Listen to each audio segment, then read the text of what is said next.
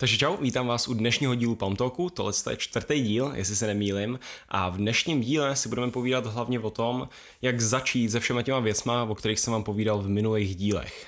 Povídal jsem tam o věcech, jako že tady máme ukrutnou příležitost využít ten, tu věc, ten internet, který teďka máme a předehnat tu konkurenci, která vlastně ten internet vůbec nevyužívá. Máme tady šanci si budovat svoji značku poměrně levně a oslovit tím tisíce lidí na internetu, stát se tou relevantní složkou v jejich životách a Tohle je věc, kterou vlastně nikdo nedělá. Vlastně já jsem upozorněn na nějaké chyby, co všichni dělají, ale vám to možná mohlo překliknout v těchto těch minulých třech dílech a říkáte si, aha, ale tohle je možná fakt dobrá věc, ten internet a mohl bych ji začít využívat nějak efektivně, ale spousta lidí podle mě nemá vůbec nějakou představu, kde začít. Jo? Máte třeba Instagram, máte Facebook, ale nikdy jste s tím nic víc nedělali, než jste si psali třeba kámošům, poslali tam nějakou fotku dětí a teď si říkáte, OK, tak jako kde začnu, mám si založit nějaký jako YouTube channel, mám se naučit stříhat videa, nebo jak vlastně posunu tu, buď to svoji osobní značku, nebo tu moji firmu na, na ten internet a jak tam vlastně začnu něco opravdu budovat a aby to nebylo jenom o tom, že tam házím fotku a koukají se na to furt ty stejní lidi.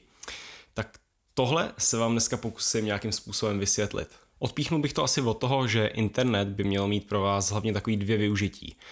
První to využití je, aby jste umožnili ostatním lidem, aby vás našli a nějakým způsobem o vás zjistili informace jako hloub, jakoby hloubš, aby se k vám dostali, aby pochopili tu vaší vizi, aby pochopili, o co se snažíte, co prodáváte a že vy jste ten třeba ten pravý člověk, o kterého by se měli zajímat, jo? Nemusíte ani nic prodávat. A ta druhá věc je, že dáte možnost těm lidem, aby se do vás zamilovali, že jim furt budete házet nějaký, nějaký content, nějaký obsah a ty lidi to budou zobat a tím se právě stanete tou relevantní složkou v tom vašem oboru, na který se snažíte zaměřit. A potom už se vás automaticky budou ty lidi spojovat s tím oborem. Ale pojďme teďka úplně odběhnout od těchto těch nějakých teoretických věcí a pojďme se konečně dostat k těm faktům. Asi vám už došlo, že se nebavíme o, webo, o tvorbě webových stránek, ale bavíme se hlavně o tom, jak být relevantní na sociálních sítích, tam, kde lidi dneska tráví strašné množství času budete chtít být hlavně relevantní v Čechách, takže asi Facebook, Instagram a YouTube, což jsou takové největší sítě. Samozřejmě, když chcete zaměřovat nějaký korporátní lidi, tak budete na LinkedIn. Když jste takový písálek, tak můžete jít na nějaký médium a Twitter, ale to samozřejmě, jakoby to už je na vás potom, to záleží na té konkrétní strategii. Ale co tím, co chci ještě říct předtím, než se začneme prostě povídat na bod 1, bod 2, bod 3, že opravdu není asi tady žádný důvod, proč byste neměli tvořit svůj osobní brand dneska, pokud neděláte pokud nejste nějaký zločinec jo, a chcete žít někde pod mostem, aby vás nikdo nevěděl, tak uh, něco takového tvořit je opravdu dobrý, ale a, a dokonce i jakoby fakt lehký, když pochopíte nějaký ty strategie, ke kterým se teďka dostaneme. Takže jako první věc, kterou si musíte nějakým způsobem ustanovit, je zvolit si téma, který chcete tomu, tomu světu sdělit. Musíte jim něco sdělovat, aby vás vlastně oni chtěli poslouchat, jo? to je ta logika zatím. Ale extrémně důležitý, aby vás to téma bavilo. Řeknu příklad, třeba jste člověk, který každý víkend jezdí na kola ukrutně ho to baví, je prostě šílenec do cyklistiky a tak můžete začít tvořit nějaký content o tom, kde budete povídat věci jako tohle je moje první kolo, který jsem si sestavil. Tady jsou nějaký čtyři typy, kam věc na výlet do severních Čech. Tohle je um, tohle jsou nejlepší příslušenství na kolo, co můžete vlastně koupit si. Jsou to prostě věci, které byste normálně říkali kámošům v hospodě, který řeknu a zase mluví o kolech, ale vlastně na tom internetu si konečně najdete tu vaši cílovku, která vás bude poslouchat a nějakým způsobem pomocí tohle můžete růst. Můžete růst s pomocí toho, toho tématu, který vás opravdu zajímá. Samozřejmě, jestli chcete budovat přes ty sociální sítě nějaký svůj biznis, tak to musíte přizpůsobit té svý cílovce, lidem, který chcete oslovovat. Takže já, když prodávám, třeba řeknu příklad, máte tady firmu Bonami, která prodává dekorace, prodává nějaký nábytek a podobně. A samozřejmě jejich cílovka jsou nějaký maminky, který prostě kupují si ty dekorace domů, kupují nějaký dárky na tom, koupí si tam nějakou hezkou skřínku třeba A podle toho taky vypadá ten jejich content, který pouští do světa. Pouští do světa věci jako, že tohle jsou čtyři typy na dekorace na podzim, jo, všichni na to klikají, protože se jim to líbí, je to relevantní té cílovce. Stejně tak jako třeba firma STRV, která je technologická firma a vyrábí aplikace, tak uh, říkali byste si, že jejich cílovka jsou nějaký opravdu šéfové těch ostatních firm, který si u nich objednávají ty produkty, ale co STRV sdílí, je obsah o té jejich firmní kultuře, co vlastně dělají třeba v té v firmě, jakoby jaký tvoří hezký produkty a tak. A tím se snaží nalákávat ne ty jejich finální zákazníky, ale zaměstnance budoucí, kteří si řeknou, wow, tohle je skvělá firma, tam bych chtěl jednou pracovat. A tohle takhle zaměřují eh, v tom STRV jakoby pomocí toho jejich kontentu. Pořádně se teda zamyslete nad tím, kdo je ta vaše cílovka a koho budete chtít oslovovat. Tak, po číslo dvě, který si budete muset promyslet, je, že si musíte vytvořit nějakou svoji online strategii. Já chápu, že pro člověka, který nic, nic takového nikdy nedělal, tak to může být jakoby těžký, že někdo řekne mi, vymyšli online strategii a úplně, oh, co to je? Ale spoustu věcí můžete odkoukat od ostatních influencerů a ostatních společností, co dělají takhle na Facebooku, na sociálních sítích, plus máte miliony článků na internetu, o kterých si můžete přečíst a jakým způsobem si to dotvořit. Já třeba, co můžu doporučit, eh, strategii, kterou používám já a připadá mi taková nejlepší, Samozřejmě, abyste ji udělali 100%, tak potřebujete mít obrovský tým, ale do, nějakýho, do nějaký úrovně to můžete zvládnout úplně v pohodě.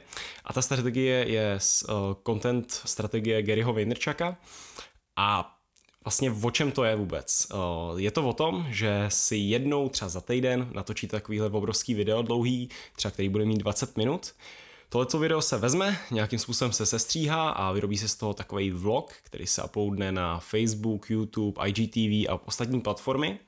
Pak z tohohle, z tohle kontentu se ještě udělá jeden obrovský článek, který se hodí na různé blogové platformy, na Medium, na Quora, eh, na váš osobní blog a, a tak. Pak ještě z tohohle velkého videa se udělá podcast, který se rozšíří taky na všechny ty platformy a to už teďka máte opravdu hodně obsahu, který můžete, s kterým můžete nějakým způsobem pracovat.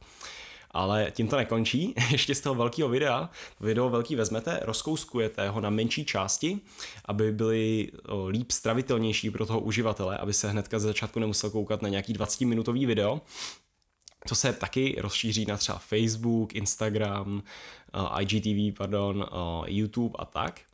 Ale ještě to vůbec nekončí a poslední vrstva taková tohohle content modelu je, že se vytvoří takzvaný mikrocontent a to znamená, ještě z tohle obrovského videa se vyberou části 30 a 60 vteřin, který se nějakým způsobem sestříhají, hodí se tam nějaký clickbaitový název, hodí se tam nějaký titulky, udělá se z toho nějaký Instagram citáty, hezký fotky a tak dále a tak dále který se potom rozšířejí na přesně nějakým Instagramu, Snapchatu, eh, Facebooku a, a tak. A to, když si to vlastně vezmete, tato metoda je strašně moc efektivní, určitě, abyste to přesně dělali na 100%, tak potřebujete mít velký tým, ale vlastně, když si to tak vezmete, stačí jenom, abyste vyrobili jedno takovýhle obrovský video týdně a vlastně o content máte postaráno. Hodíte to jenom do nějaký mašiny, která to zpracuje a najednou už se nemusíte starat o nic. Takže je to určitě efektivní, ale samozřejmě, když se nechcete párat s takovouhle věcí, tak vám bohatě stačí v dnešní době si normálně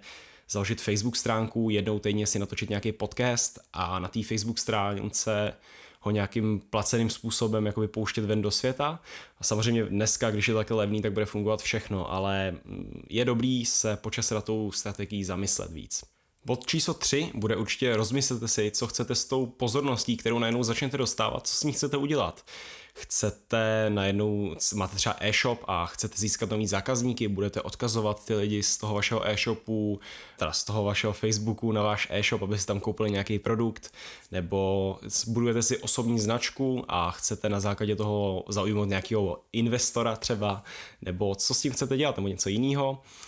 A určitě byste se měli určit nějaký indikátory úspěchu. Já vždycky říkám, no všichni, většina lidí si nějakým způsobem určuje počet sledujících nebo počet lajků jako takový indikátor úspěchu, ale já vždycky říkám, že followeri nezáležejí, že záleží hlavně na těch příležitostech, který vám tenhle ten Facebook nějakým způsobem nabídne, protože můžete mít samozřejmě tisíc followerů, ale tisíc fakt zapálených followerů a když si před, představíte tisíc lidí, jak stojí v řadě a každý ten člověk uh, vám jakoby uh, se, se mu líbíte a lajkuje vám věci, komentuje s váma, tak samozřejmě ma, vám mají hodně co nabídnout. Zatímco můžete mít nějaký kanál, který jenom sdílí ostatní věci jiných lidí a ten vztah vás mezi těma ostatníma lidma, i když těch lidí je třeba půl milionu, tak je úplně nulový, protože vlastně těm lidem na vás nezáleží.